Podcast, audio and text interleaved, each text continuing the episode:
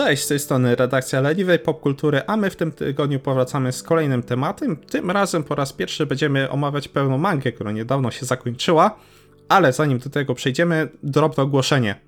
Jak pewnie już zauważyliście na naszym fanpage'u oraz na naszej grupie, szykuje się kolejny cross z naszymi kolegami z podcastu Czwarta Ściana, w ramach którego będzie także realizowany Question and Answers. I tutaj bardzo bym Was prosił o aktywność, większą niż zwykle, i podanie nam paru pytań, czy to dotyczących filmu, czy komiksu, książki, serialu, a może i mangi i anime, z tego względu, że będę brał udział w tym e, question and answer, więc będę w stanie odpowiedzieć na wasze pytania dotyczące właśnie Dnia Strachu, czyli Halloween. Bardzo bym was prosił o aktywność, bo naprawdę może wyjść z tego coś bardzo sympatycznego. Ale to było ostatnie ogłoszenie, a tymczasem przechodzimy już do naszego podcastu.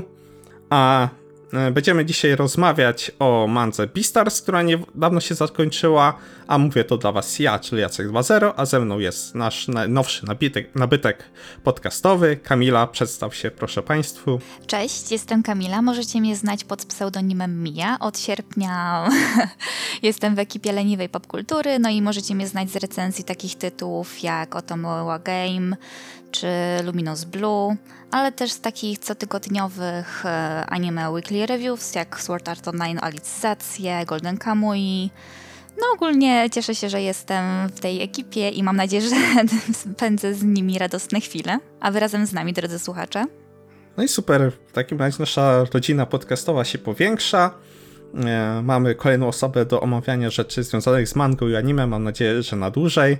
A tymczasem właśnie, tak jak wspominałem, niedawno zakończyła się pierwsza manga pani Itadaki Paru e, pod tytułem Beastars, o której pisałem jakiś czas temu tekst, w którym e, podzieliłem się moimi spostrzeżeniami na temat tematów, które porusza ta manga, ale zakończyła się, mieliśmy dosyć finał. Czy był satysfakcjonujący, czy nie, postaramy się na ten e, na to pytanie odpowiedzieć, więc zacznijmy może od czegoś innego. Droga Kamilo, tak. powiedz mi proszę, co przyciągnęło cię do tej serii i dlaczego um, przy niej zostałaś, to sprawiło, że tak yy, czytałaś ją do samego końca. Okej, okay, przede wszystkim na starcie sam świat zbudowany jako jedna wielka alegoria naszego świata rzeczywistego, to mnie na start przy, przykuło moją uwagę.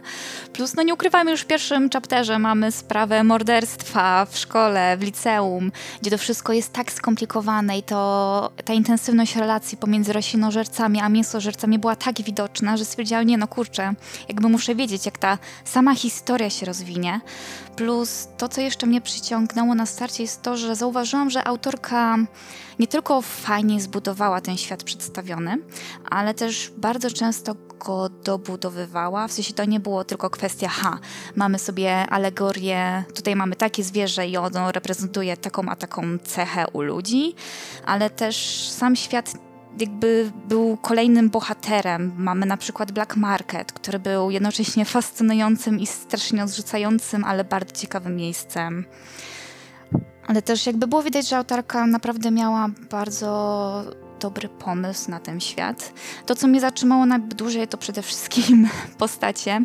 Nie ukrywam, bardzo mocno polubiłam Luisa. I od pewnego momentu, który się zadział w fabule, z zapartym tchem śledziłam, co się z nim dalej zadzieje.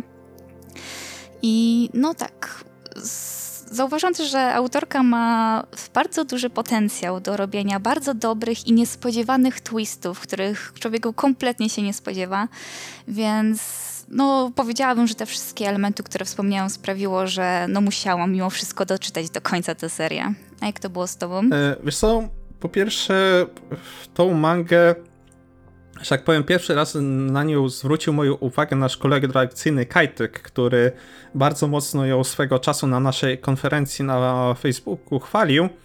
Okay. Ale nie sięgnąłem po nią aż do momentu, kiedy zostało ogłoszone anime. I kiedy pojawiły się pierwsze trailery, czyli tej bardziej, nie powiem gritty, ale bardziej skierowanej do młodego dorosłego czy dorosłej osoby wersję Zwierzogrodu Disneya, gdzie poruszane są tematy dużo poważniejsze dużo mające większy ciężar społeczny i starające się po prostu spojrzeć na nasze społeczeństwo poprzez alegorię, właśnie jak to sama powiedziałeś, pewnych zwierząt i relacji między nimi.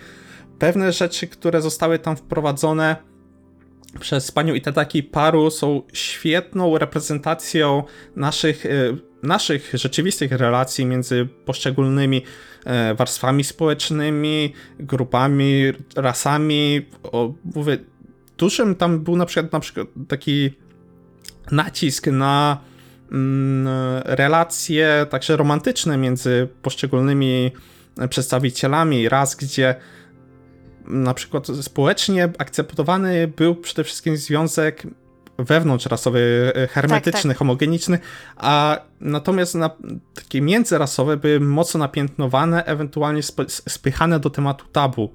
I to bardzo fajnie w bardzo taki subtelny, respektujący sposób mówiło nam o tym, jak nasze społeczeństwa na przykład podchodzą do tematów homoseksualizmu, biseksualizmu, ogólnie tematów LGBT, akceptacji tego i to bardzo mnie przyciągnęło, bardzo mi się to podobało. Jednocześnie takie nie przedstawiało nawet tych postaci bardziej negatywnych, w kompletnie piętnujący sposób, tylko starało się zrozumieć, dlaczego tak się zachowują, skąd to wynika, dlaczego to społeczeństwo funkcjonuje tak, jak funkcjonuje.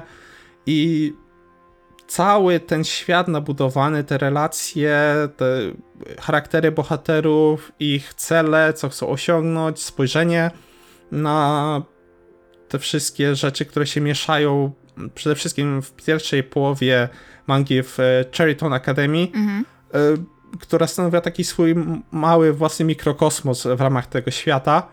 Bardzo mi to podeszło i do pewnego etapu ja byłbym w stanie wystawić tej mandze 10 na 10. A dlaczego do pewnego etapu do tego jeszcze przejdziemy? Okej. Okay. Ale zgadzam się z Tobą. Też od pewnego momentu dało się wyczuć, że nie powiedziałabym, że był poziom o wiele gorszy, ale kompletnie inny. W pewnym momencie miałam wrażenie, że czytam trochę kompletnie inną serię niż na początku. Wiesz co, tak, tak, dokładnie. E, nie powiedziałbym, że no, jakość mimo wszystko od pewnego momentu spadła. Tak. Tego się ukryć nie da. Nie będę tu uwijał bawełnę, że tak nie było, bo ale nadal te relacje bohaterów dawały radę i niektóre fragmenty po prostu no, powodowały, że mi szczęka opadała, co tam się czasem zadziałało między właśnie poszczególnymi postaciami. Była nawet e, taka jedna scena, gdzie dosłownie po prostu, ła, ale, ale o tym jeszcze później wspomnę. Jasne ale natomiast jednak wciąż ta pierwsza połowa była chyba dużo lepsza od tej drugiej i chyba tu się ze mną zgodzisz, nie? Z jednej strony tak, ale z drugiej strony chciałabym trochę wybronić tę drugą część, bo jak wcześniej wspomniałeś, ta pierwsza część to była takim, mik- takim małym mikrokosmosem i to było fascynujące, ale właśnie ten pełen świat miał jakby szansę jakby nam się pokazać dopiero wtedy, jak Legoshi opuścił Cheriton Academy i po prostu wyruszył w świat, jakby wyruszył w świat nie dość, że z kartoteką, to jeszcze w brutalny świat dorosłych, który był po prostu kompletnie czymś innym niż aż miałam wrażenie, że to Cheriton był naprawdę jakąś oazą raju i spokoju, jaką wyszedł na, na ten świat i na tę ulicę i musiał sobie radzić sam, no bo jego sytuacja no nie była najlepsza. I powiedzmy, że do spotkania do rozpoczęcia wątku z Melonem naprawdę dobrze mi się czytało tę mangę. W sensie nadal mhm. było tak 10 na 10. Mhm. Natomiast jeszcze właśnie zanim do historii przejdziemy troszkę, troszkę później, chciałem jeszcze tutaj właśnie w ramach naszego tego pierwszego punktu, czyli e, co w nas, e, co nas w tej mandze przyciągało i jakie byś takie najsilniejsze elementy mogła wymienić właśnie tej mangi, co najbardziej ci w niej odpowiadało, w, czy to może być y, w ramach mm, oprawy wizualnej, czy histo historii, które rzeczy uważasz, że pani Tadaki Paru robiła tutaj najlepiej? Hmm, to powiem tak. Trochę przewrotnie odpowiem na to pytanie, bo przyznam się szczerze, że początkowo ta kreska była takie, że gdyby nie historia, to tak graficznie no ta historia mnie niestety nie powalała, ale zauważyłam ogromny progres i to, jak ta autorka się rozwinęła. I potem po prostu patrzyłam na poszczególne panele, albo jak postacie rysowała, albo też te sceny walki, to było takie wow. Więc o tak mniej więcej od połowy serii ta kreska była naprawdę 10 na 10 dla mnie. Plus jest naprawdę nietypowa i akurat tutaj też trzeba oddać to autorce, że naprawdę dobrze oddała jakby te zwierzęta. W sensie, no jednak musiały się poruszać na, na dwóch łapach, więc sądzę, że naprawdę z tym świetnie sobie poradziła, z samym projektem postaci. To, to na pewno było wyjątkowe. Druga kwestia, która była naprawdę mocnym aspektem, to przede wszystkim postacie. Jedne bardziej, drugie mniej, o tym później tylko wrócę, ale powiedzmy, że ogólnie tendencja była taka, że te postacie naprawdę były dobrze zbudowane, były w większości przypadków konsekwentnie prowadzone albo w konsekwentny sposób prowadzone. Czasami nawet taki sposób, którym kompletnie bym się nie spodziewała, że jakaś postać podąży, ale w większości przypadków, no jednak te postacie naprawdę były nieźle zbudowane i nieźle prowadzone przez całą serię. No i ten sam świat, naprawdę jakby kurczę, ja naprawdę mogłabym czytać jakieś spin-offy na temat y, tego, jak ten świat funkcjonuje albo funkcjonował, że nawet autorka, chętnie bym przeczytała Beastarsów, już nawet niekoniecznie o Logoshim, Luisie i Haru i reszcie ekipy, ale po prostu o innych postaciach, które po prostu działają w ramach tego świata, bo ten świat jest naprawdę świetny, jak dla mnie. A jeżeli chodzi o takie... I tutaj mhm. No dobrze, dokoń, dokoń Nie, po prostu chciałam odbić pałeczkę i zapytać się, a co w twoim przypadku uważasz za takie mocne Aha, elementy? Okay. E, wspominałeś, że na początku cię grafika nie kupowała.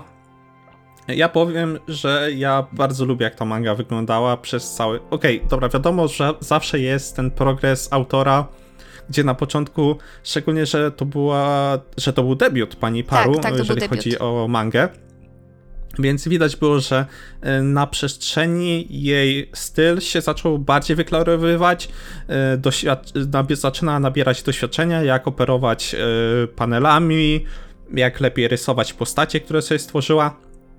Ale nadal bardzo mi się podobało, jak ekspresywne w ramach tej mangi i że to były zwierzęta, ile się tam emocji udawało oddać na właśnie kartach tej historii. Tak, masz rację. E. Wybacz, że ci przerwę, ale sobie po prostu przypomniałam, jak po prostu Legoś, jak mogłam rozpoznać, czy Legoś jest szczęśliwy, czy smutny, po prostu patrząc na jego ogon. To było niesamowite.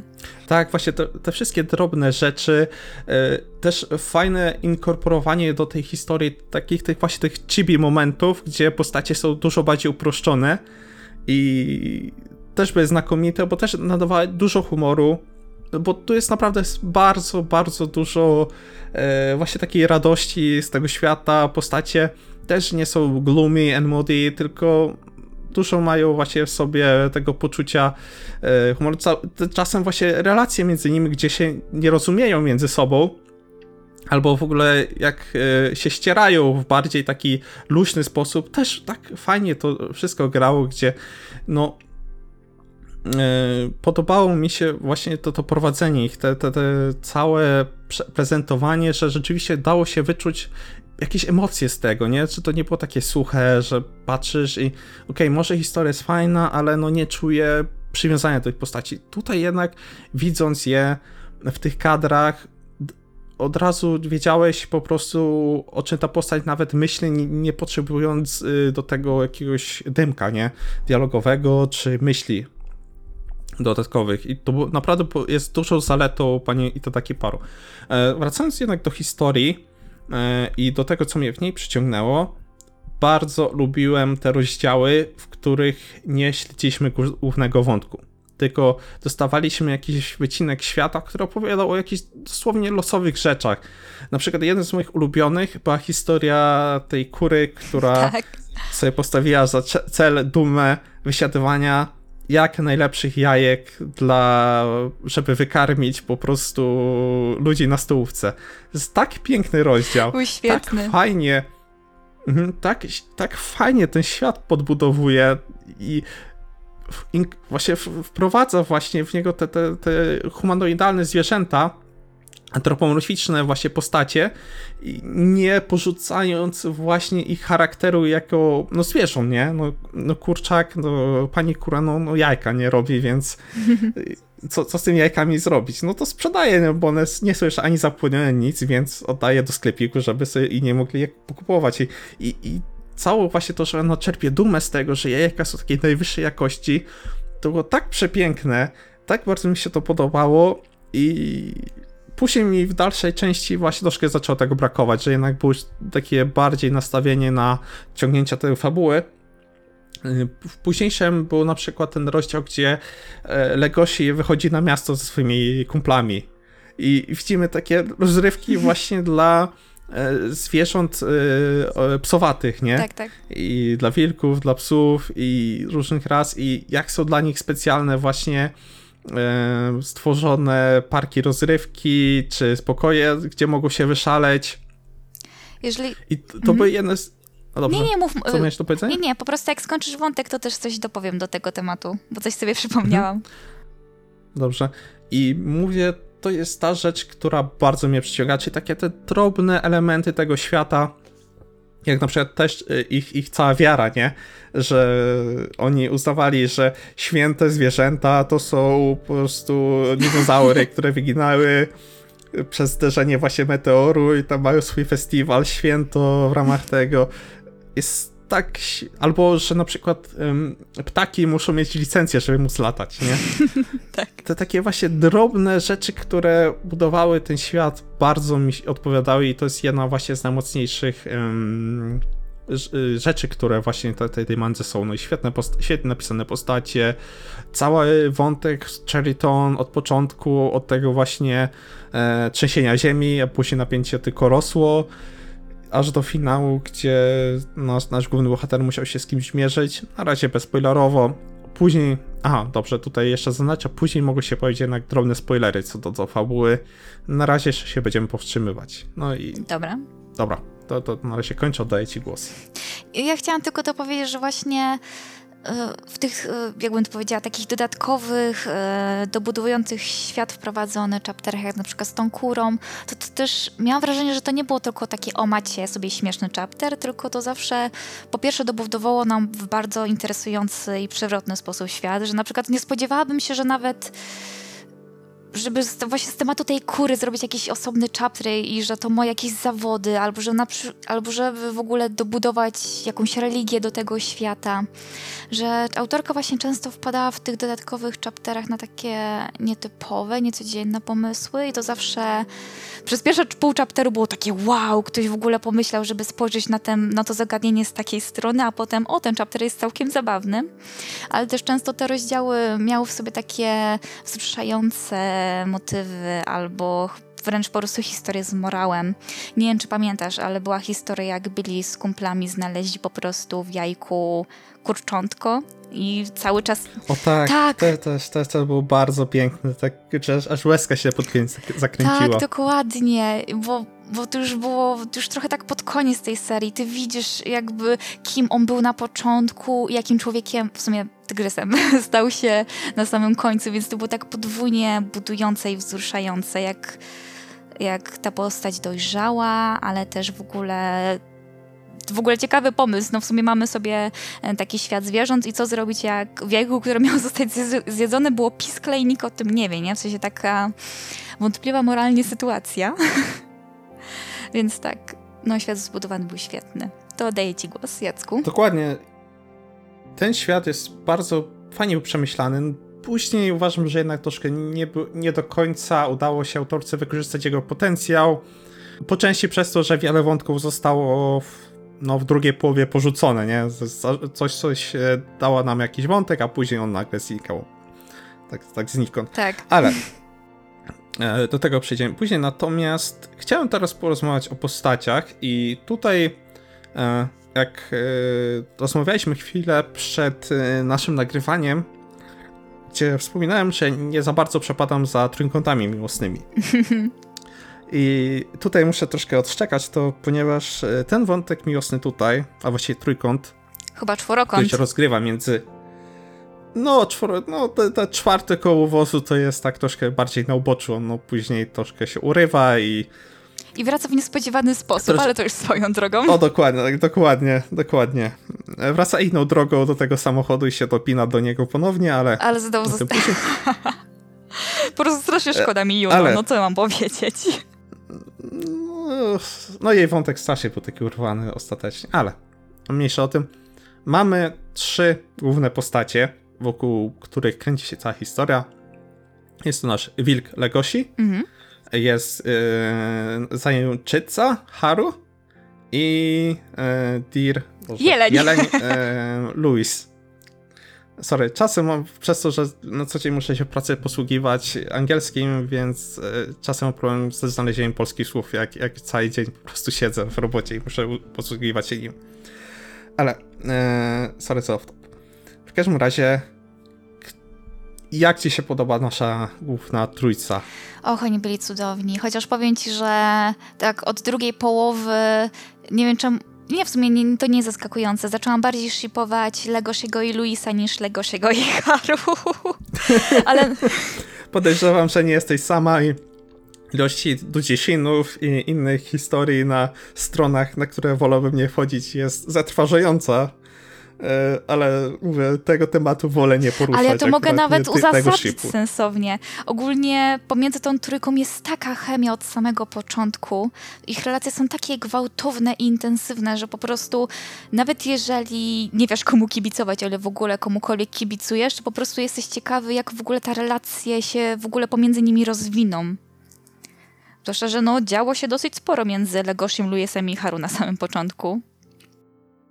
No, od, poczo- od początku się działo, aż, aż e, w sumie do samego końca. No, Mm, ta manga w sumie stała właśnie. Kręciła się wokół osi, ty- tych, y, wokół tych trzech bohaterów, którzy stanowili oś tej historii. Ym, No, na po- gdzie. Jak wspominałeś na początku, mamy to trzęsienie ziemi, gdzie jest to morderstwo właśnie mm, w Cheriton Academy. Nikt nie potrafi znaleźć, kto za nie odpowiada, ale no, jak sami dobrze wiemy, jest tam sporo drapieżników, którzy, którzy by mogli właśnie to popełnić. No, jednym z podejrzanych, chcąc jak chcąc, jest także nasz główny bohater, czyli Legoshi, który no, jest taką lekką ciapą, taką miękką Miękką bułą, kruchu. tak, z którą ja się bardzo utożsamiam i którą... To jest tak świetna postać, ja go tak bardzo lubię, Ale, ale ale właśnie ten Legoshi... jednak ma swoją taką stronę... Poczekaj, Jasne, jasne, dam, czekam. Oddam ci za chwilę głos. Natomiast Legosi na początek widzimy go, że jednak ma swoją stronę, to bardzo zwierzęcą, z którą ma problem. e, Którą ja rozumiem także jako alegorię dojrzewania i budzących się w młodym człowieku w takim wieku e, hormonów, które robią mu z mózgu siekę, z którymi nie do końca potrafi sobie poradzić, nawet nie wie jak sobie z nimi poradzić. I przez co atakuje właśnie drugą z, głó- z głównych postaci, czyli Haru i prawie wyrządza jej dużą krzywdę, więc em, w ogóle zgadzasz się z tą moją interpretacją, że to jest właśnie akurat nie ta rzecz, którą właśnie próbowała tutaj Itadaki Paru e, wpiąć w tą historię, że mamy tutaj bardzo wyraźny wątek dojrzewania i prób radzenia sobie z nim? Częściowo tak, częściowo nie, bo mimo wszystko sądzę, że to jest wymieszanie takich dwóch rzeczy. W zależności od sytuacji można dowolnie tam mieszać sobie proporcje, bo jakby faktycznie zgadzam się, że ta sytuacja, ogólnie późniejsze rozterki Legoshiego, czy to jest jakby miłość do Haru, czy, czy po prostu chce ją zjeść, to, to tak, można głównie zrzucić właśnie interpretacyjnie na to, że to było po prostu dojrzewanie, ale z drugiej strony Uważam, że nie powinniśmy zapominać, że mimo wszystko Legoshi był też zwierzęciem, drapieżnikiem, wilkiem, więc no to też głównie odzywały się te jego wewnętrzne instynkty, że on po prostu no, chce ją zabić, chce ją zjeść.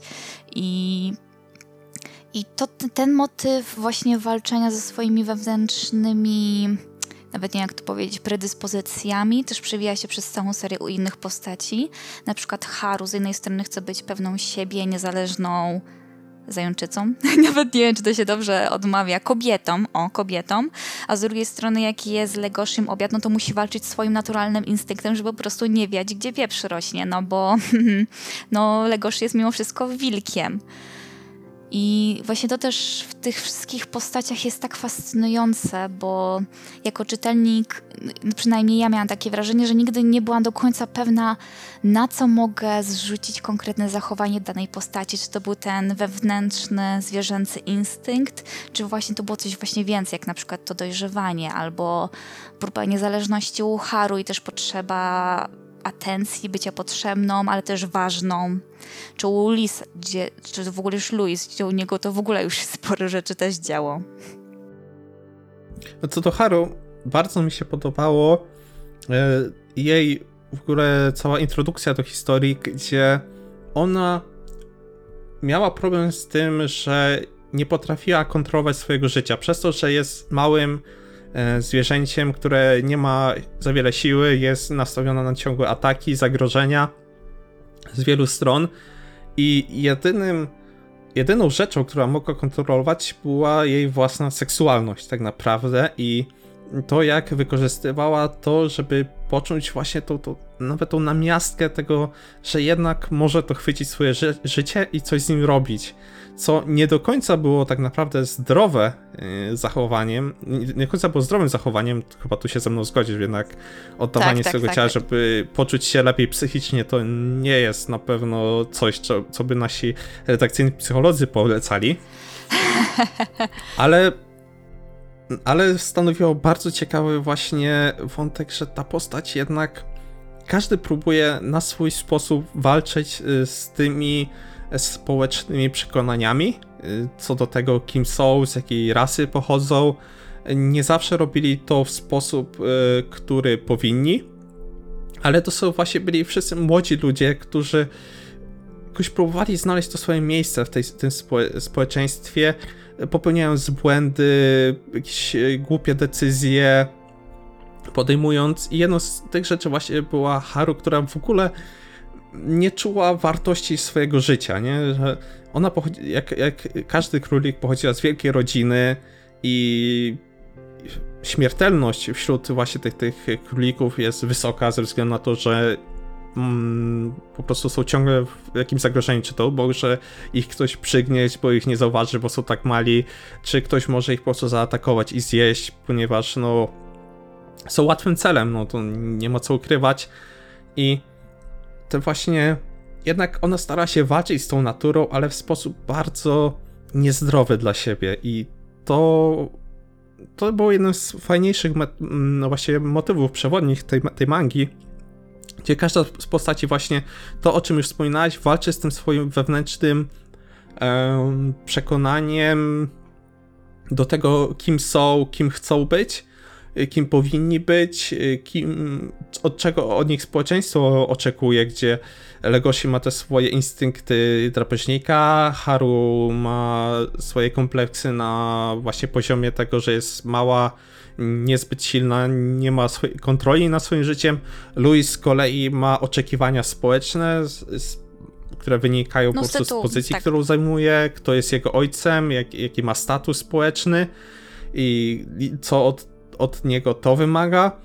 I to jest po prostu tak znakomicie poprowadzone, tak uwielbiam całą tą trójcę postaci, co sobie reprezentują, że no lepiej chyba się tego ułożyć nie dało trójkąta. Oj tak, ale powiem ci, że strasznie mi szkoda wątku Haru, bo odkąd właśnie Legoshi poszedł w świat i opuścił Sheraton, to to było właśnie głównie e, Legoshi i Louis, a Haru gdzieś kompletnie przepadła w tej całej historii. Mm -hmm. strasznie mi tego mm -hmm. było szkoda, bo jak ona już się pojawiła, to ja ją tak sobie w środku porównałam do burzy, że po prostu pojawiała się nagle, było głośno, było intensywnie, zazwyczaj te chaptery z nią kończyły się jakimiś cliffhangerami, że po prostu myślałam, Jezus Maria, co tu się właśnie stało, dokąd to wszystko pójdzie? I potem znowu znikała i tak o, właśnie strasznie szkoda mi Haru, bo czuję, że to był taki potencjał na tyle fajnych sytuacji. No było je zdecydowanie za mało w tej historii, moim zdaniem. No, w sumie w drugiej połowie mangi to jedyny rozdział, gdzie na pewno miała dużo większą rolę, kiedy Legoshi poszedł na obiad do jej rodziców. Co w ogóle było świetne, Tak, to było tak. tak fajnie rozegrane. Ale poza tym właśnie ona jako postać się za bardzo sama sobie nie rozwinęła tak naprawdę już po Cherryton. Jedyne co mieliśmy to czy chcą, czy nie chcą być ze sobą Legoshi i Haru, czy są odpowiedni dla siebie, czy społeczeństwo jest w stanie zaakceptować ich związek i tak dalej. To było w sumie już później jedyna rzecz, przez którą właśnie mieliśmy jakąś styczność yy, właśnie z naszą bohaterką, co było zdecydowanie, masz tutaj rację, za mało i tego wypadałoby być więcej, rozwinąć ją. Tym bardziej, że mamy później z nią przebłyski na jej studenckie życie, nie? Gdzie pojawia się już ten wątek z Melonem, ale tam również nie ma za wiele. Zresztą był ten też urwany wątek, Tak. gdzie Melon y, do niej mówi, że chce ją zjeść, co nie? I tu się później w ogóle o tym i to taki paru zapomniała, porzuciła to zupełnie. Y, natomiast y, właśnie rzeczywiście relacja między Legosim a Luisem była później poprowadzona w sposób rewelacyjny Tak, oj, i tak. jak oni się obaj uzupełniali wzajemnie, a, aż mówię na końcu, aż mi zabrakło właśnie e, te, tego rozwinięcia tej ich współpracy w ramach tego, jak zmienić to społeczeństwo, co było niezbyt satysfakcjonującym, satysfakcjonującym zakończeniem jednak, że jednak zabrakło mi jednak jakichś te parunastu dodatkowych rozdziałów, które dopowiedziały nam jeszcze coś po tym, e, do tego finału. Oj, zdecydowanie. Ogólnie mam wrażenie, że tej autorce zabrakło jakichś tak trzech, pięciu tomów. No może trochę mniej, ale no, że zabrakło zdecydowanie jakichś chapterów, żeby po pierwsze domknąć wszystkie napoczęte wątki, albo żeby chociaż wspomnieć, że tak, kiedyś był taki wątek, tak porzuciłam go, ale nie zapomniałam o tym, więc wam chociaż na szybko dopowiem. Nawet na to nie wystarczyło czasu. I teraz zastanawiam się, czy to, nawet nie wiem, z czego to wynika. Czy autorka od początku miała takie... Wiesz co, wiesz co, po, sorry, że ci przerwę. E, mi się wydaje, że autorka miała pomysł aż do końca Cherryton Academy, a, a później zaczęła troszkę bardziej eksperymentować, że stwierdziła, że ok, mam tu mangę, która jest całkiem popularna, może spróbuję różne rzeczy, może się czegoś bardziej nauczę, spróbuję, które wątki mogą zadziałać, które nie. I przez to właśnie ta dalsza część historii wydaje się taka chaotyczna, że więcej tam było eksperymentowania właśnie z tą opowieścią, niż właśnie prowadzenie takiej koherentnej, spójnej historii. W sumie, jak tak o tym pomyślę, to masz rację. O inaczej, to eksperymentowanie nadal mi się podobało do pewnego momentu, co, co nie zmienia faktu, że tak, no było odczuć, że co chapter tak czy siak zastanawiałam się, w jaką stronę to w ogóle zmierza. Dopóki Melon się nie pojawił, to w ogóle nie miałam zielonego pojęcia, co autorka jakby chce dalej pokazać w tej historii. No ale cóż. Ach, szkoda mi tych wszystkich no- napoczętych wątków, tyle co ci mogę powiedzieć. Mhm.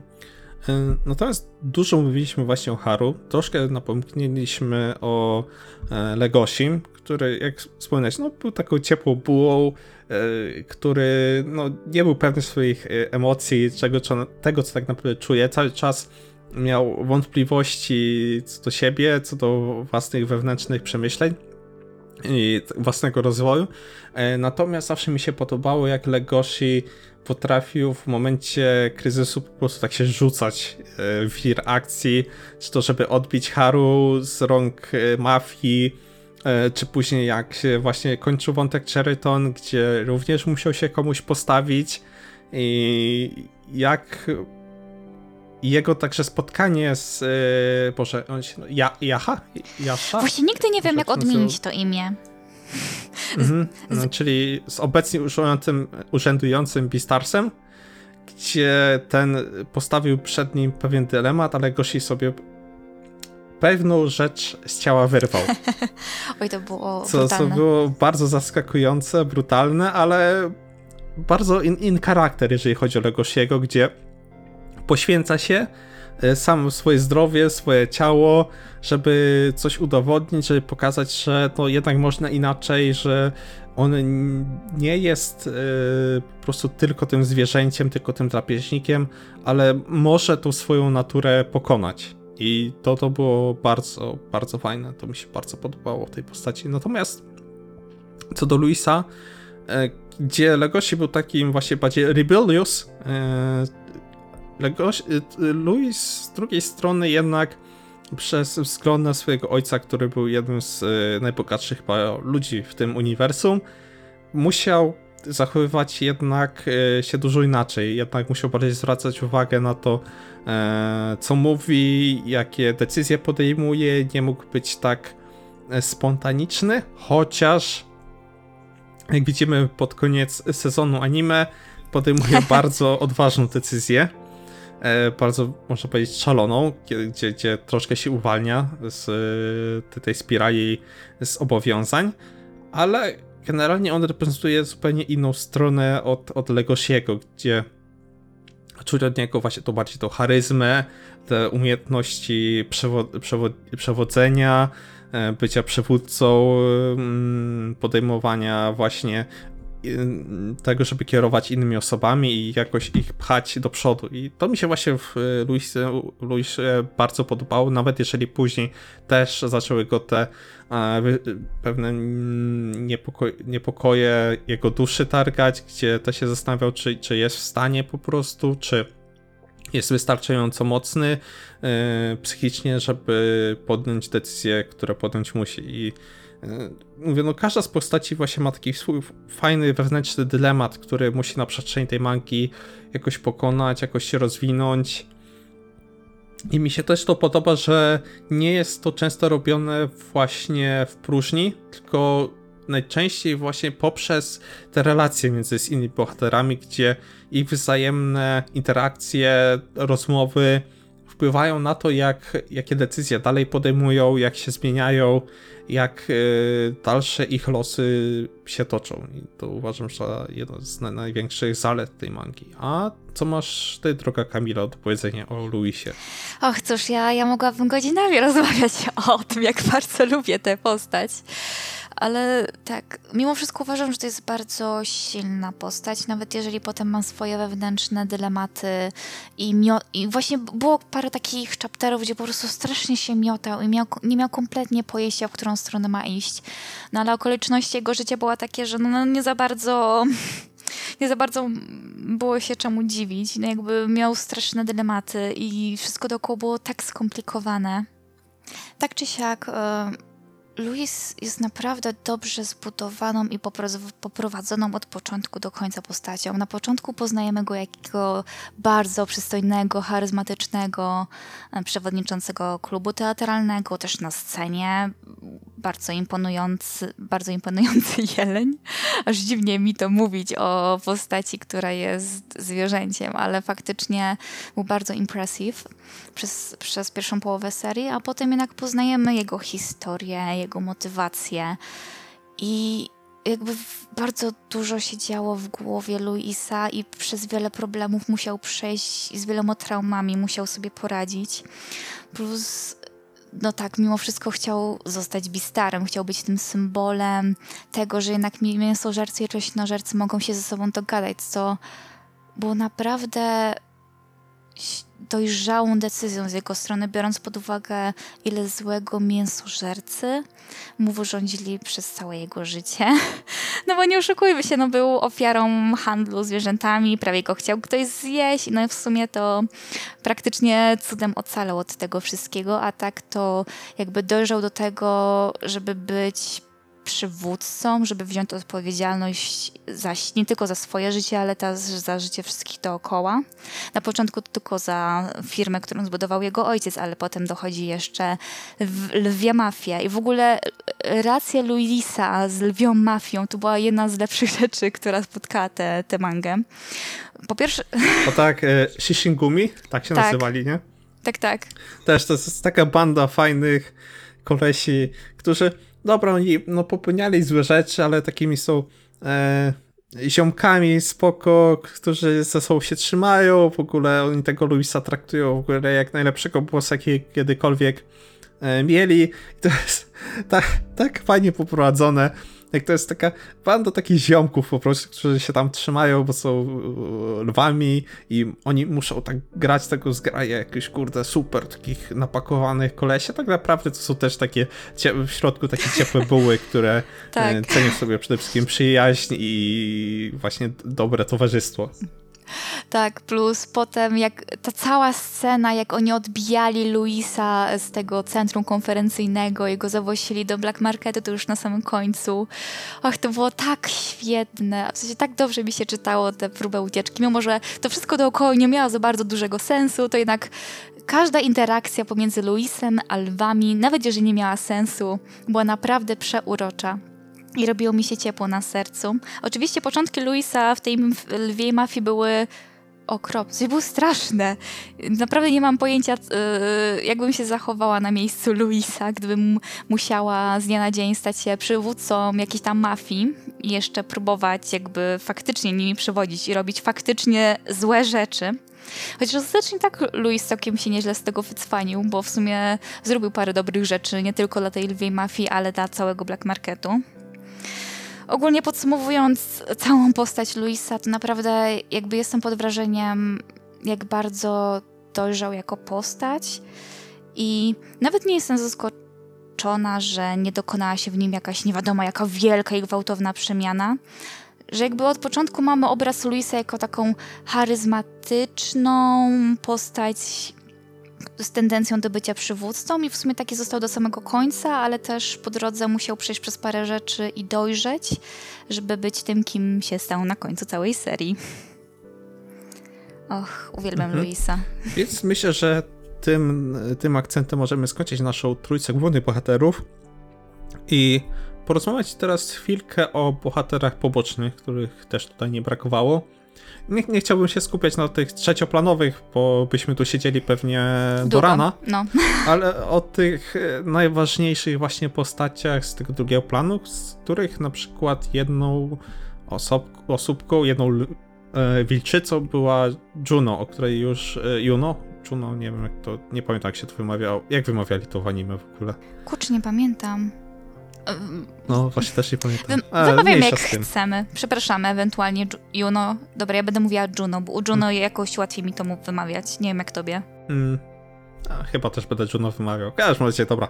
Mniejsza z tym. E, Jak ci się podobała się ta postać, która też później znikła, później się pojawiła znowu w troszkę odmienionej formie, ale co ci się podobało, co wniosła właśnie do tej historii według ciebie? Przede wszystkim trochę świeżości i innego podejścia do relacji między mięsożercami a roślinożercami, bo do tej pory to było tak dwóch na jednego, dwóch roślinożerców w postaci Haru i Luisa na samotnego Legoshiego. I do momentu pojawienia się Juno to była cały czas obserwowanie tych wewnętrznych zmagań Legoshiego z jego byciem mięsożercą, to jak bardzo jakby chciał zaprzeczyć w ogóle f- temu faktu, kim on jest. I tutaj mamy sobie Juno, która nie dość, że przychodzi, hej, jestem Juno, jestem wilczycą, będę bistarem i jestem w ogóle, tak swoją drogą, jestem strasznie dumna z faktu tego, kim jestem i że jestem wilczycą, jestem piękna, jestem silna i wiem, do czego dążę. I to ten jakby paradoks tych dwóch postaci i zderzenia się ich ze sobą, to było bardzo odświeżające. W sumie nie mam pojęcia, co Juno zobaczyła w Legoshi, mówiąc szczerze.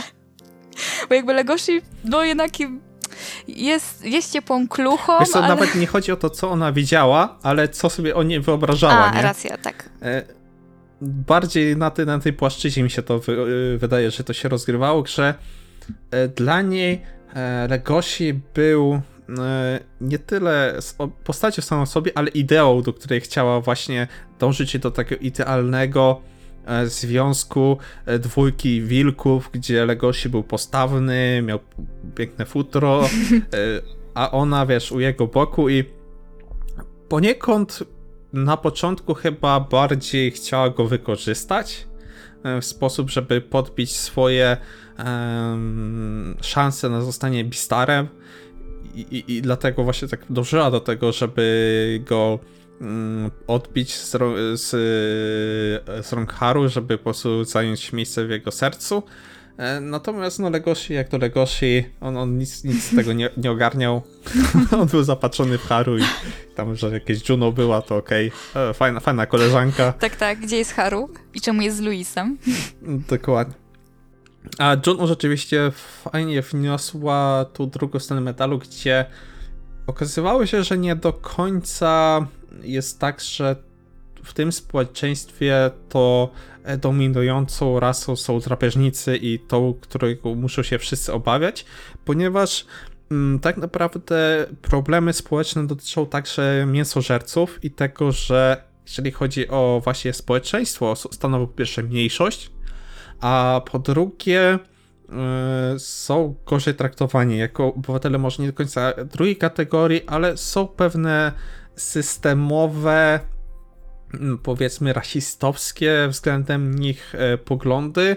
E, dużo ciężej im dostać się na dobrze płatne prace, dobre kariery mieć. Mamy na przykład e, później e, burmistrza tego miasta, który bardzo dużo musiał poświęcić, żeby osiągnąć stanowisko, które miał, musiał wiele zmienić w sobie, także z e, wyglądu, żeby być w ogóle zaakceptowanym. I to był właśnie też jeden z ciekawszych wątków, jeżeli chodzi o Juno, gdzie ona nosiła to swoją, e, swoje drapieżnictwo, tak powiedzmy, jako coś, z czego jest dumna. Nie, że chciałaby po prostu zjadać inne, inne osoby i, i mie- roślinożerców, ale jest po prostu dumna z tego, kim jest i się tego zwyczajnie nie wstydzi i chce zmienić też postrzeganie społeczeństwa względem właśnie drapieżników. Właśnie im więcej mówiłeś na temat sytuacji drapieżników w tym świecie, tym bardziej mi się skojarzyło, nie wiem czy słusznie, ale miałam takie skojarzenie z sytuacją na przykład osób czarnoskórych w Stanach Zjednoczonych, w sensie, że takie przebłyski trochę systemowego, ale też trochę takich uprzedzeń, zaszłości historycznych na temat, e, o, w przypadku naszego świata osób czarnoskórych, a w przypadku tego świata Bistarsów właśnie tych mięsożerców. Bo Wiesz co, nawet nie chodzi o czarnoskórych, ale jak się troszkę poczyta o Japonii i podejściu Japończyków do obcych, e, właśnie w kraju kwitnącej wiśni, do tak zwanych gadzinów, wtedy się dowiadujemy, że Japończycy potrafią być bardzo rasistowscy i bardzo nieprzychylni e, obcym ko- względem kogoś z zewnątrz, kto nie jest Japończykiem. Więc nawet nie myślę, że to było tyle komentarz do wydarzeń ze Stanów Zjednoczonych i tamtej sytuacji, tylko bardziej nawet do społeczeństwa japońskiego, które jest e, też mocno zamknięte, mocno hermetyczne, mocno podchodzące z nieufnością do inności, do innych, do obcych. To zresztą nie widzimy tylko w Beastars, ale za każdym razem, jak mamy na przykład jakąś mangę czy anime, która się rozgrywa na japońskiej prowincji, gdzie przybywa do niej ktoś z zewnątrz i jak często właśnie to podejście tych lokalsów jest podawane z dużą dozą tej nieufności względem nich. I myślę, że nawet ten komentarz bardziej dotyczył ich lokalnych problemów japońskich niż y, takiego globalnego postrzegania rasizmu i, i na przykład problemów y, w Stanach Zjednoczonych, które się na przykład w tym roku wybuchły.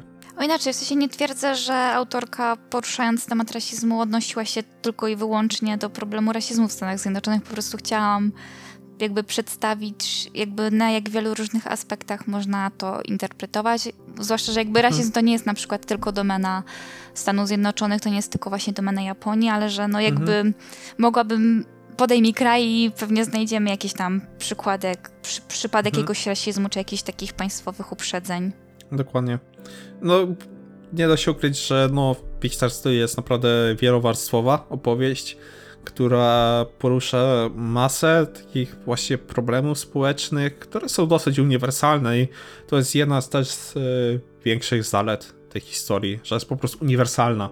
Że nieważne z, po prostu z jakiego kraju pochodzisz i tak dalej, jesteś w stanie po prostu zauważyć pewne rzeczy, które są niezależne, czy jesteś Europejczykiem, Amerykaninem, czy Japończykiem. I to jest coś, co zdecydowanie na duży, duży plus. Natomiast odeszliśmy trochę tematu bohaterów, Trochę tak. wracając ponownie e, do rzeczy, które nas kupują w tej mance.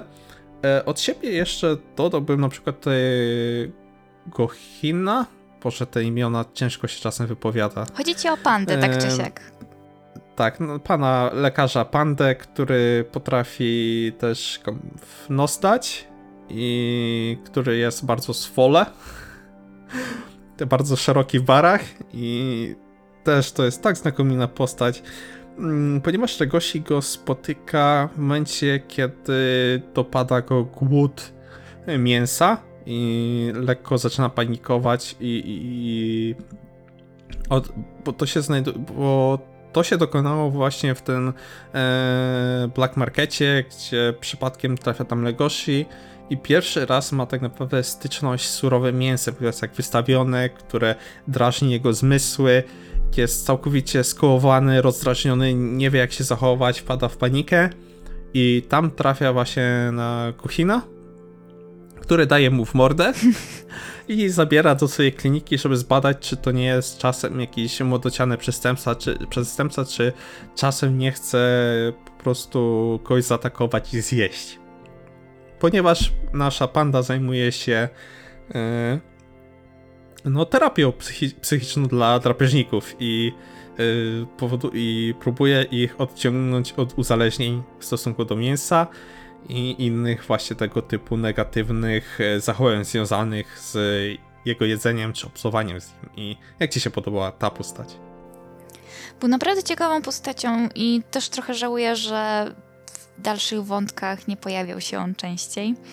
Chyba do Cherytonu pojawia, w sensie do momentu zakończenia wątków Cheryton pojawił się całkiem sporo, a potem do końca serii chyba pojawił się może raz czy dwa. Ale właśnie podobało mi się takie typowe podejście, w ogóle to połączenie, bo jakby pandy kojarzą się nas zazwyczaj z jakimiś takimi uroczymi, puchatymi, bardzo miłymi zwierzętami, Oj, tak, a tu mamy oj, wielką tak, przypa- ciapowatymi tak, takimi. tak, tak, takie do rany przyszło. A tu mamy wielką pandę, która ma bary jak ze stali, pali, ma w ogóle jeszcze kitel lekarski, jest bardzo ogarnięty i, i daje ludziom po prostu w, po mordach i wszystkich ich doprowadza do porządku. Jakby bardzo podobało mi się takie nietypowe podejście do pandy. Więc o, tak, Gohin był bar- bardzo fajną postacią. Szkoda tylko, że go nie było więcej. I w sumie to mogłabym powiedzieć o większości postaci, które się pojawiały w Beastarsach. Czemu- Szkoda, że nie było was więcej, ale tak. Tak, bo jeżeli chodzi o właśnie taką hi- historię Legosiego, to Gohin był bardzo istotny, ponieważ, no, tak jak wspominałem, pomógł mu w e, właśnie Back Alley, e, w Black Markecie. Pierwszy raz później go też wspierał, kiedy Legosi był na przykład gdzieś tam poturbowany i też szkolił go w walce bez użycia zębów, tylko z użyciem właśnie jego siły mięśni.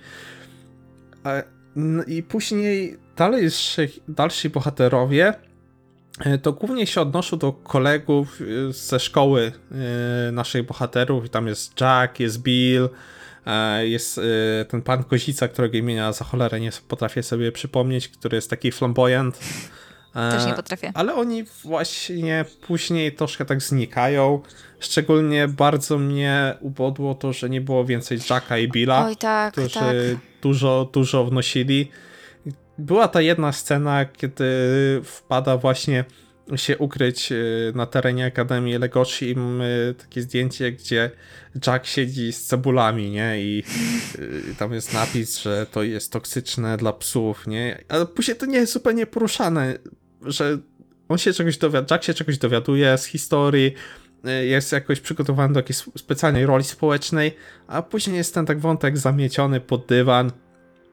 Bill miał trochę więcej, bo jak mówiłeś, wcześniej miał ten swój e, drobny rozdział solowy z e, malutkim kurczaczkiem dopiero zrodzonym, a, a pozostali no się pojawiali i znikali i w sumie niewiele ich tam było w tej historii, ale to właśnie to było bardzo przykre, bo to wszyscy byli bardzo przyjemnymi postaciami, których ja naprawdę chętnie bym widział więcej.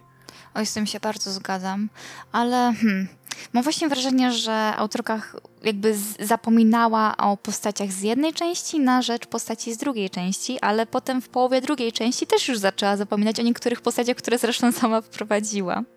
Na przykład Q.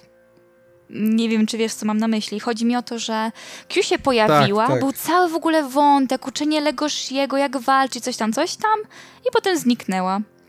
I ostatecznie Legoshi chyba nawet nie wykorzystał za bardzo tej techniki, którą ona go nauczyła.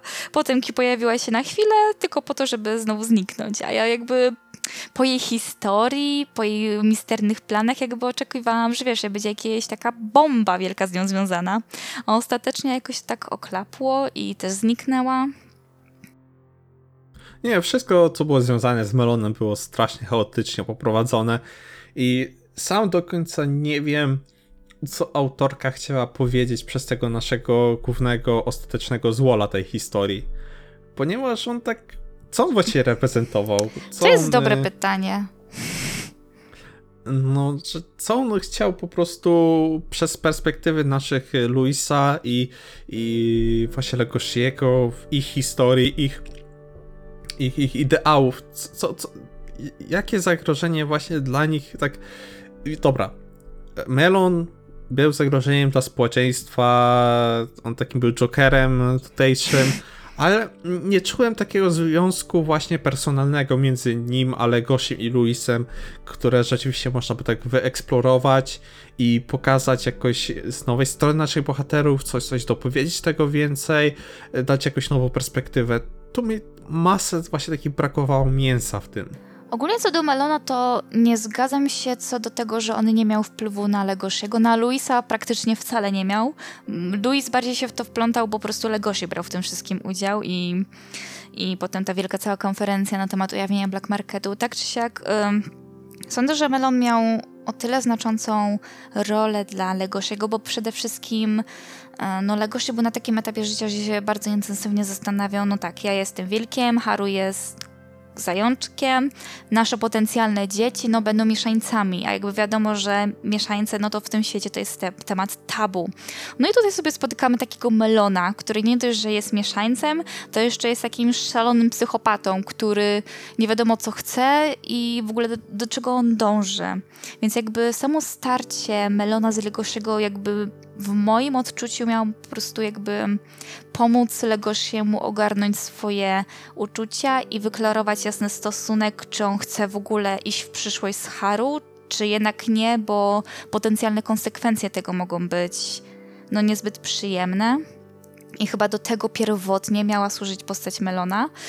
To, że to ostatecznie poszło w bardzo dziwnym kierunku, to już swoją drogą, ale pierwotnie sądzę, że to był ten główny cel. Ale jak już jesteśmy właśnie przy historii, bo nie wiem, masz jeszcze jakąś postać, o której chciałabyś wspomnieć, czy... No bo tak jak wspominałeś, był jeszcze ten, e, tam e, napomknąłem, że pojawiał się e, Jaha, może ja się Jaffa? Chyba Jaffa to się... Jaffa, ciężko powiedzieć, niektóre imiona są okropne do wymawiania i pewnie nie będziemy wiedzieć, jak się je powinno prawidłowo wymawiać, dopóki nie dostaniemy tego w anime. Tak, przepraszamy autorko, a przynajmniej ja przepraszam. No właśnie, przepraszamy bardzo za nasze nieprzygotowanie i jeżeli kaleczymy to bardzo mocno. E, Natomiast on tak samo był takim Batmanem tego uniwersu, jak Melon był Jokerem. Chyba tak to można Tak, ująć. bardzo gdzie, dobre porównanie swoją drogą. Gdzie on e, nie, nie miał swojego lokaja, tylko miał oddziały myszy. To był tak dobry Polnych. motyw, to, to jest swoją drogą. Ten cały rozdział o tych myszach, po prostu przecudowny. Tak, gdzie, gdzie po prostu no, się okazało, że kiedyś zaresztował gang myszy i od tamtej pory te, te, ten gang mu pomaga. To było coś fantastycznego. W ogóle dziadek y, Legosiego też tak dobra postać, też tak bardzo niewykorzystana Jezu, według mnie, tak. bo Gosza był znakomity i jego relacja z Legosiem też była przepyszna. W ogóle relacja e, Goszy z Jaff... Dobra, przepraszam, będę nazywała Jachję Jaffą, bo tak mi wygodniej po prostu. Jeżeli ktoś, w komen... Jeżeli ktoś ma pojęcie, jak się powinno wymawiać te wszystkie imiona, to błagam, napiszcie w komentarzach. Tak czy siak, wracając, właśnie relacja między Goszą i Jaffą porównałabym właśnie do Legoshiego i Luisa, tylko tacy wersja mentor i uczniowie. I właśnie też relacje między Goszą a Jaffą były tak naturalne między sobą. Naprawdę dobrze mi się czytało te chaptery, w których oni po prostu ruszyli w świat. Nie wiadomo, po prostu ku przygodzie. E, mówisz o tych retrospekcjach, tak? Nie z przeszłości. Tak, gdzie właśnie ten Gosza poznał e, e, Swoją żonę.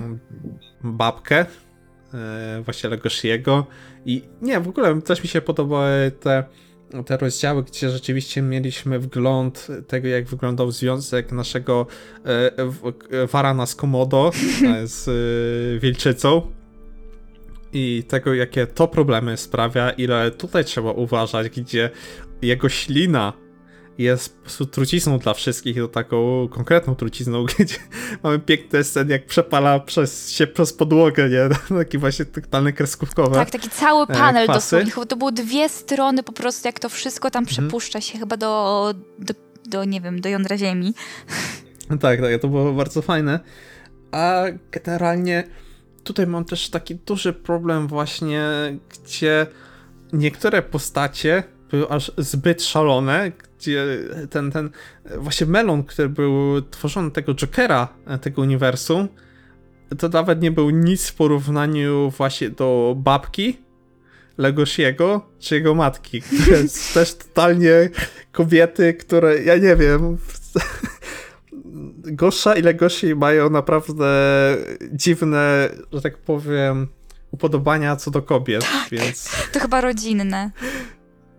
Tak, dokładnie, bo i zarówno Haru jest, y, ma troszkę niepokoi w głowie, tak samo właśnie kobiety po stronie Legoshiego również nie do końca były nie wiem jak to ująć, bo to co odwaliła w pewnym rozdziale, czego się dowiadujemy o babce Tak, Legosiego, to już, to już w ogóle było jakimś kosmosem, nie? Ja się w ogóle tak tego nie spodziewałem.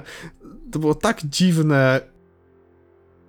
właśnie nawet nie wiem, czy nie powiedziałabym było- głupie, ale są, są No że, właśnie nawet ciężko mi to zinterpretować, właśnie. o co tam chodziło. Brakowało jeszcze jednego chapteru, żeby bardziej pokazać jakby osobowość tej babki, bo wtedy mogłabym się domyślić, czy ona to zrobiła, bo po prostu była szalona, czy po prostu była tak chora z miłości, że po prostu musiała zrobić to, co zrobiła w stosunku do Goszy. Mhm. Co nie zmienia faktu, że to, co zrobiła babcia Legoshiego było naprawdę okropne. Tylko teraz nie, nie wiemy, jak zinterpretować jej zachowanie, bo właśnie zabrakło dobudowania postaci. Mhm. Tak samo e, mapka Melona.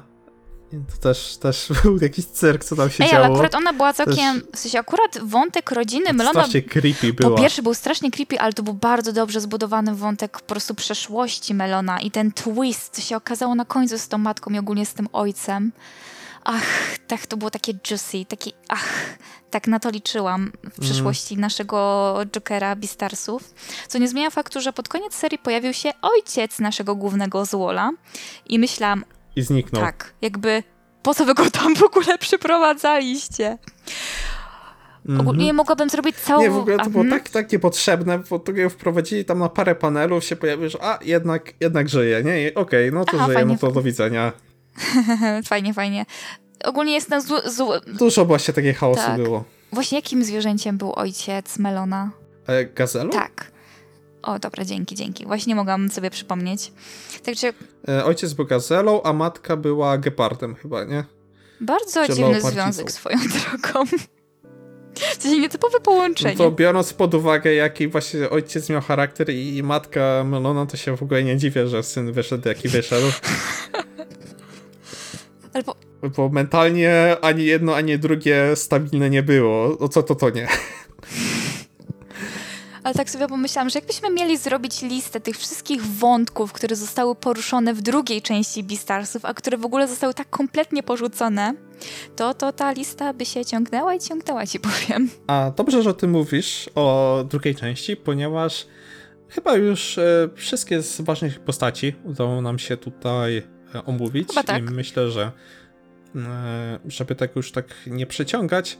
Także na koniec porozmawiamy właśnie o tych dwóch częściach, z których składa się e, Beastars. Pierwsza to jest właśnie wydarzenia w Cherryton Academy, czyli re, zaczątek relacji między Luisem, Haru a Legoshim oraz próba rozwiązania pewnej zagadki kryminalnej i druga część, kiedy już Legoshi opuszcza e, mury e, Cherryton Academy i musi sobie radzić sam w dorosłym życiu.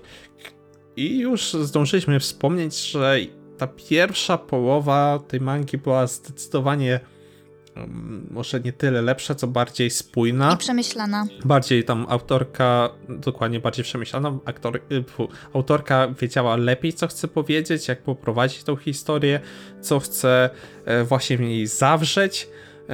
I tutaj jest y, moje pytanie do ciebie, trochę Kamilo, właśnie. No, możesz trochę spoilerować Świetnie. y, tutaj w, w ramach, ale tak y, jednak, żeby jednak pełen umiar jednak też zachować. Och nie, no dobrze. E, Więc e, jak tam będziesz coś mocno chciała historii, co do historii, możesz zaznaczyć, że o tutaj się pojawi ostry spoiler i żeby nasi słuchacze zatkali na przykład uszy. Dobrze, to słucham pytania. Więc moje pytanie jest tutaj. Mm, mamy te dwie połowy. Mhm. Powiedz mi, co właśnie uważasz jest y, lepszego w tej pierwszej w stosunku do drugiej, które wątki z tych takich bardziej już y, ważniejszych uważasz, że poprowadzone zostały lepiej, które chciałabyś, żeby zostały jeszcze bardziej rozbudowane, y, co jest najlepszego właśnie pod względem opowieści, którą przed nami roztoczyła tutaj i to taki paru. Może ja to jednak potraktuję pytanie trochę bardziej ogólnie, bo uważam, że i w pierwszej części były rzeczy, które nie za bardzo trzymały się kupy, moim zdaniem. Tak samo w drugiej części. Tak wiadomo, że w pierwszej części było więcej rzeczy, które jednak trzymały się kupy niż w drugiej, ale wspomnę o w tym kontekście, co według moim zdaniem w pierwszej części trochę nie trzymało się kupy. Mówię tu o, o jakby ostatecznym starciu Legoshiego z jakby z zabójcą. I o tym, jakby co musiał zrobić Legoshi, żeby jakby w ogóle pokonać tego wielkiego przeciwnika, to tutaj będzie, uwaga, duży spoiler, bo niestety bez tego spoilera ciężko będzie mi wyjaśnić jakby absurd tej sytuacji. Otóż Legoshi zjadł nogę Luisa, żeby trochę podreperować swoje siły i żeby po prostu pokonać.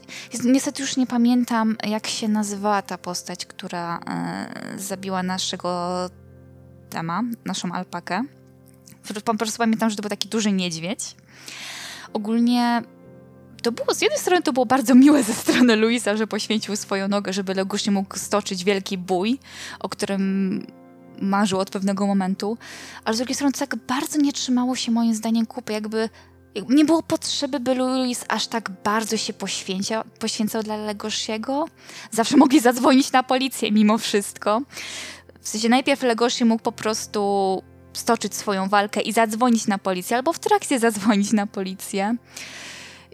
Po prostu nie rozumiem, dlaczego Louis aż tak bardzo się poświęcił, że aż po prostu dał Legoshiemu zjeść swoją nogę i czemu Legoshi się na to zgodził. Nie wiem, co ty sądzisz na temat tej sceny, ale dla mnie to było takie Wiesz what co? the fuck?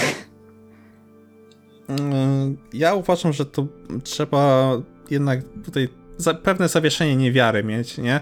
Że ci bohaterowie przez tą walkę nie tyle chcieli powstrzymać tego mordercę, jego złapać, ale również pewne swoje rzeczy y, związane ze swoimi niepokojami, ze swoimi um, słabościami, żeby je przeskoczyć jakoś i się tak wewnętrznie rozwinąć. Dlatego obaj zdecydowali się na e, starcie z e, tym, tym mordercą, z tym, tym niedźwiedziem potężnym, żeby po prostu coś nie tylko e, sobie przełamać, ale coś sobie udowodnić. I e, jeżeli chodzi o scenę, gdzie Louis poświęca swoją nogę, ta noga reprezentowała też w pewnym sensie jego przesz przeszłość, to jego życie, kiedy e, był niewolnikiem właśnie w black markecie, kiedy mógł zostać za każdym razem sprzedany na mielonkę i jak pewnie tam pamiętasz, na tej nodze miał wytatuowany swój numer, który reprezentował mm, jego, jego jako postać, nie jako, nie jako rzecz, nie, nie, jako postać właśnie. I właśnie tą nogę dał sobie pożreć przez yy, Legoshiego w takiej dosyć bardzo alegorycznej scenie, gdzie uwalnia się właśnie od tej przeszłości i dzięki temu może pójść dalej w życie. No, lekko kuśtykając, bo będzie musiał mieć yy, po prostu jakieś, yy, jakieś zastępstwo yy, sztuczne, ale jednak będzie mógł kuśtykać sobie spokojnie do przodu, jednocześnie właśnie pokazując nam przez to, że e, ta dwójka, Legoshi i mm, Louis, to jest nadzieja tego społeczeństwa na takie bardziej stałe pojednanie między drapieżnikami i e, roślinożercami, na większe zrozumienie między sobą i lepsze poznanie mm, właśnie te, tego społeczeństwa, że oni, ta dwójka może coś zmienić tak naprawdę. Może być tym motorem napędowym, żeby po prostu jakieś e, rzeczy, które są tematami tabu, które się kryją w ciemnych zaułkach, w jakichś yy, bardziej rzeczach, które społeczeństwo stara się nie zwracać uwagi, żeby wyciągnąć je na światło dzienne i coś z tym zrobić. I właśnie dlatego uważam, że ta scena walki była tak istotna, że to musiał być Legoshi i Luis e, jako no właśnie Dynamic Duo, a nie żeby po prostu wzięli i zadzwonili na policję, hej, panowie policjanci, panowie bagiety, tu mamy mordercę, chodźcie, przyjedźcie, go zawincie, nie? Już nawet nie chodzi mi o to, że mogli zadzwonić na policję w trakcie wszystkiego, już bardziej o, hmm. to, o to poświęcenie Luisa. Ale o inaczej, po wyjaśnieniu sądzę, że trochę bardziej już rozumiem, dlaczego doszło do tego, do czego doszło. Po prostu nadal uważam, że mimo wszystko to nie musiało być aż takie, bo z jednej strony jakby jasne, Luis jakby uwolnił się od, od właśnie od tego znamienia, od, tego, od niemożności decydowania o swoim życiu. Z drugiej strony właśnie mamy tą alegorię, że może jednak roślinożercy i, i mięsożercy mogą ze sobą współpracować, ale jednak to jest o tyle przewrotne, no bo jednak z jednej strony oni się uwolnili od tego wszystkiego, a z drugiej strony jakby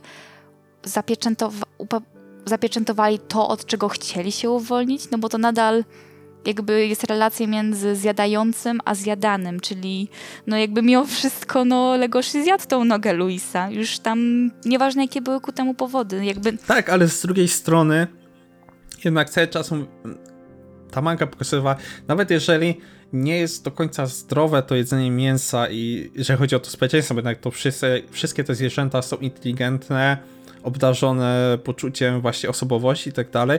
Jednak widać, że mięsożercy potrzebują tego mięsa. Tak czy siak to, to co później zostało niestety zakopane dosyć mocno, ale właśnie ta scena pokazała, że to zrozumienie, gdzie Louis ogarnia, że jednak ci mięsożercy potrzebują tego w jakiejś formie, tej lub innej, nie? że sam e, do tego momentu spędził długo, dużo czasu z e, lwami, właśnie w e, black markecie, widział właśnie jak to funkcjonuje, dlaczego właśnie trzeba coś z tym zrobić, jakoś do tego inaczej podejść, a nie odwracać wzroku i udawać, że tego problemu nie ma i że ci mięsożercy mogą żyć tak jak do tej pory, właśnie yy, ta fasada jest spoko, że okej, okay, jemy e, wegetariańskie jedzenie, tam jajka, mleko, jakoś sobie radzimy, a w tle jednak oni na tyle wyczuwają tą potrzebę, jednak korzystają z tego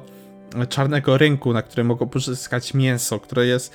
I Louis, y, według mnie, tutaj w tej scenie pokazuje, że no, jest w stanie e, zrozumieć, że nie traktować tylko tych mięsożerców jako krwa krwawych yy, potworów, które chcą się na niego rzucić i go zjeść, ale także osoby, które są tak samo w pewnym momencie, w pewnym sensie też pokrzywdzone przez to, kim są, że jednak muszą, że tego potrzebują i dlatego uważam, że to nie jest tak do końca, że bez sensu, że Louis to robi i że oddaje tu swoją nogę Legosiemu, że to ma więcej niż jedną stronę. Po pierwsze się uwalnia od tego brzemienia, które na nim ciążyło, a po drugie pokazuje, że jest w stanie po prostu na wyższym poziomie zrozumieć tą drugą stronę konfliktu. Okej, okay. nie, serio, dzięki. Jakby wcześniej nie patrzyłam na jakby tę scenę pod tym kątem, ale nie, faktycznie masz rację. Zresztą to jednak jest mimo wszystko jeszcze połowa serii i tam jeszcze Louis w międzyczasie miał jeszcze parę przemyśleń na temat relacji między mięsożercami a roślinożercami, więc jakby to, że dał sobie zjeść nogę, to jakby to nie był koniec jego przemyśleń na tym aspekcie.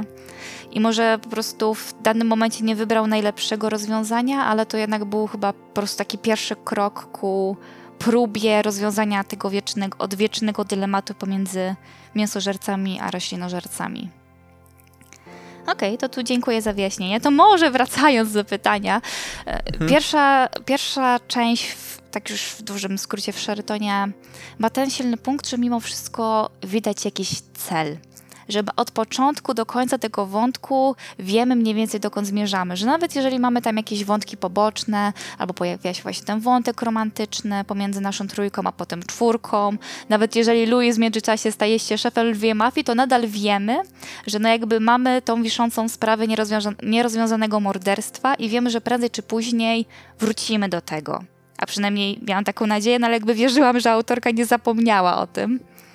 A właśnie w drugiej części nie do końca byłam w stanie rozpoznać, co jest celem. To znaczy, domyślałam się, że celem będzie, żeby Legoshi w jakiś sposób jakby pozbył się tego ograniczenia możliwości wychodzenia za mąż za roślinożerców. Ale no, właśnie przez długi czas nie do końca widziałam potencjału, w jaki sposób w ogóle autorka chciałaby rozwiązać to zagadnienie. Czasem nawet miałam wrażenie, że po prostu myślała na bieżąco, wymyślałam, że inaczej miała ogólny koncept, jak to rozwiązać, ale wymyślała na, na bieżąco, jak do tego dojść. Więc no pierwsza część ma właśnie tą dużą zaletę, że no po prostu była konsekwentna od początku do końca, nawet jeżeli pojawiały się jakieś wątki poboczne. A w drugiej części to jednak było takie.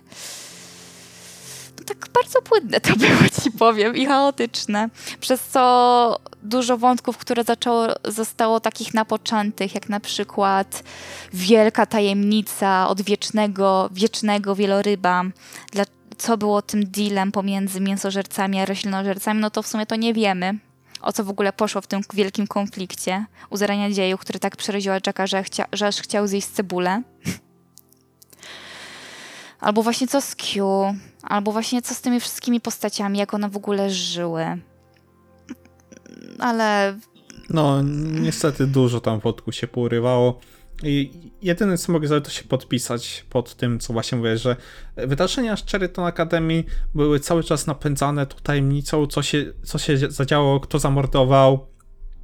Do tego dochodzi właśnie cały czas napięte relacje między bohaterami, którzy starali się ze swoimi uczu uczuciami jakoś e, dojść do zgody, jakoś je zrozumieć, e, poznać e, siebie wewnętrznie, dojść do jakiegoś porozumienia między właśnie tym światem roślinożerców a mięsożerców, a w tej drugiej części zabrakło właśnie tego motywu przewodniego. Tak.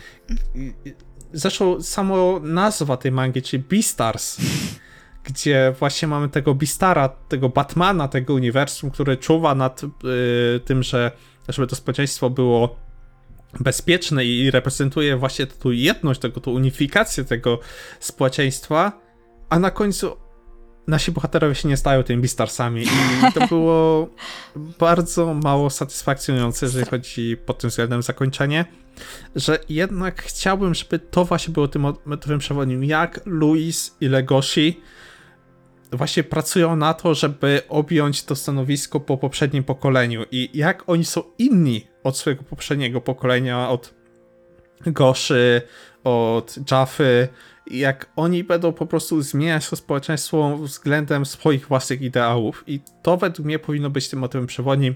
Tu mógł być wplątany w to melon, mógł się pojawić nawet wcześniej w Mance niż się pojawił tak naprawdę. Mógł się pojawić od razu wokół... od odpuszczenia Legoshiego Cheriton.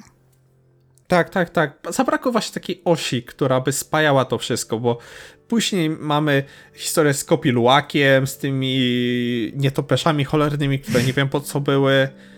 I masa było takich wątków, które nie prowadziły do niczego. Było bardzo ciekawe, ale no nie prowadziły do jakiegoś satysfakcjonującego rozwiązania tak ogólnie. Mhm.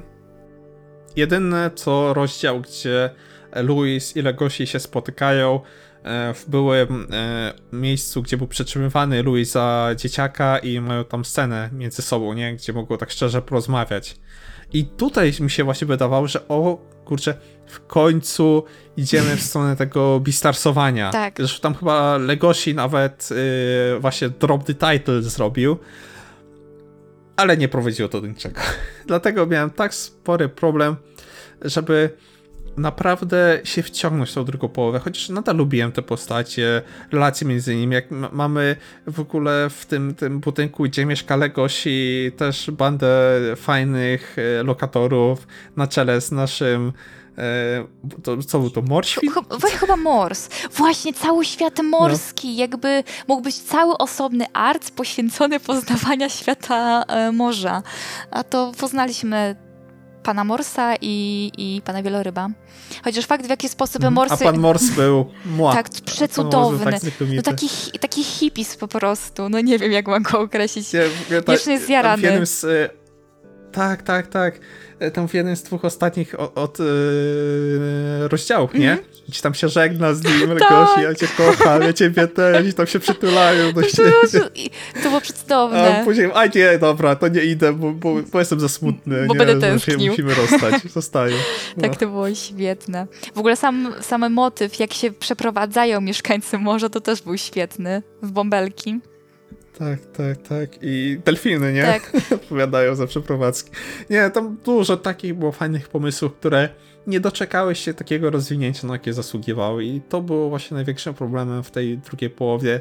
Tak jak e, wspominałem na początku naszego podcastu, gdzie e, Cherryton Academy byłem w stanie wystawić 10 na 10. No druga połowa to już było bardziej takie 6, naciągane 7 na 10. Ogólnie jestem bardzo zadowolony, że za to się zabrałem, zaczytałem, że to udało mi się właśnie doczytać do końca, że poznałem te postacie. Nadal dla mnie to jest, przynajmniej właśnie ta pierwsza połowa, jedna z najlepszych rzeczy, które kiedykolwiek zdarzyły mi się czytać, jeśli chodzi o mangę i anime i, o, i oglądać jako anime, jako adaptację, która jest nomen omen dostępna na Netflixie. A jakie jest twoje zdanie?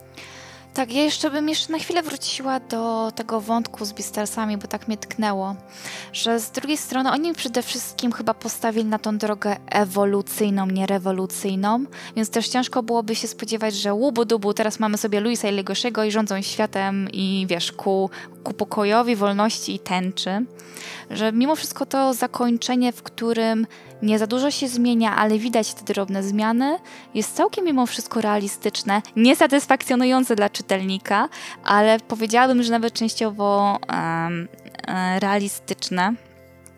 Ale tak też się zgadzam, że nawet jeżeli ta druga część, no nie zawsze jakby tam odpowiednie kropki stykały się w odpowiednich miejscach, to nadal Beastarsi tak ogólnie, naprawdę jedna ogólnie z lepszych serii, które czytałam. Nawet jeżeli mogę jej wiele zarzucić, to tak mi wciągnęła. Te postacie były tak niesamowicie napisane, że nawet jeżeli rzeczy dookoła nich no, nie były zbyt spójne czy konsekwentne, to ja to mogłam czytać tylko po to, żeby po prostu mieć styczność z tymi postaciami i też z tego, jak oni, jaką mają chemię pomiędzy sobą, bo no nie zawsze autorom udaje się stworzyć taki dobry vibe pomiędzy postaciami. Ja sądzę, że tutaj autorce naprawdę dobrze się to udało. Więc tak, ogólnie nawet jeżeli to zakończenie nie było satysfakcjonujące albo nie zamknięto takich wątków w taki sposób, w jaki bym chciała, to nadal nie żałuję. Nie żałuję, że się w ogóle zabrałam za tę serię. Nadal będę ją wszystkim dookoła polecać. Może zrobię taki, takie małe uprzedzenie z gwiazdką, ale wiecie, uważajcie tam na drugą część. Ogólnie to nadal fajna seria, ale no możecie się trochę rozczarować pod koniec, ale w ogóle nie żałuję, że się zabrałam za tę serię. Zabrałabym się za to jeszcze raz. Tak, dokładnie. Tym bardziej, no, łatwo się za nią zabrać, ponieważ jest jej rewelacyjna adaptacja anime, O, do tego dodajmy. Jest dostępna na Netflixie, więc łatwo można się dać to wkręcić w ten świat. E, Łatwo można się z nim zapoznać. Zresztą chyba na polskim rynku zaczęła się ukazywać manga w tym roku, Z- o ile się nie mylę. Zacz- y, w tym tygodniu, ogólnie w sobotę i chyba w niedzielę, jest teraz jesienny festiwal mangowy od wydawnictwa Studio JG. Nie wiem, czy nie pokręciłam dat, ogólnie w ten weekend. I właśnie ma być tutaj siedem dużych premier nowości mangowych. Wśród nich będzie Beastars. Tak, wiem, wiem coś o tym, bo moje pieniądze płaczą. Mój portfel płacze. Więc jak sami słyszycie, macie najlepsze okazje, żeby sięgnąć właśnie teraz. Tym bardziej, że w przyszłym roku ma się także zacząć drugi sezon Beastars, na który bardzo gorąco czekam, bo Studio Orange odwaliło taką robotę przy tym, żeby wprawić w życie e, te, te kadry Tak. mangowe i O, to jest je- najlepsze chyba anime, które zostało wykonane w CGI, jakie do tej pory widziałem. Naprawdę znakomita robota. Ja ogólnie nie widziałam dużo anime w CGI, więc ciężko mi ocenić, ale tak, na początku o trochę się obawiałam tego CGI, bo do- nadal trochę mi się czkawką odbija Berserk i, i CGI w Berserku.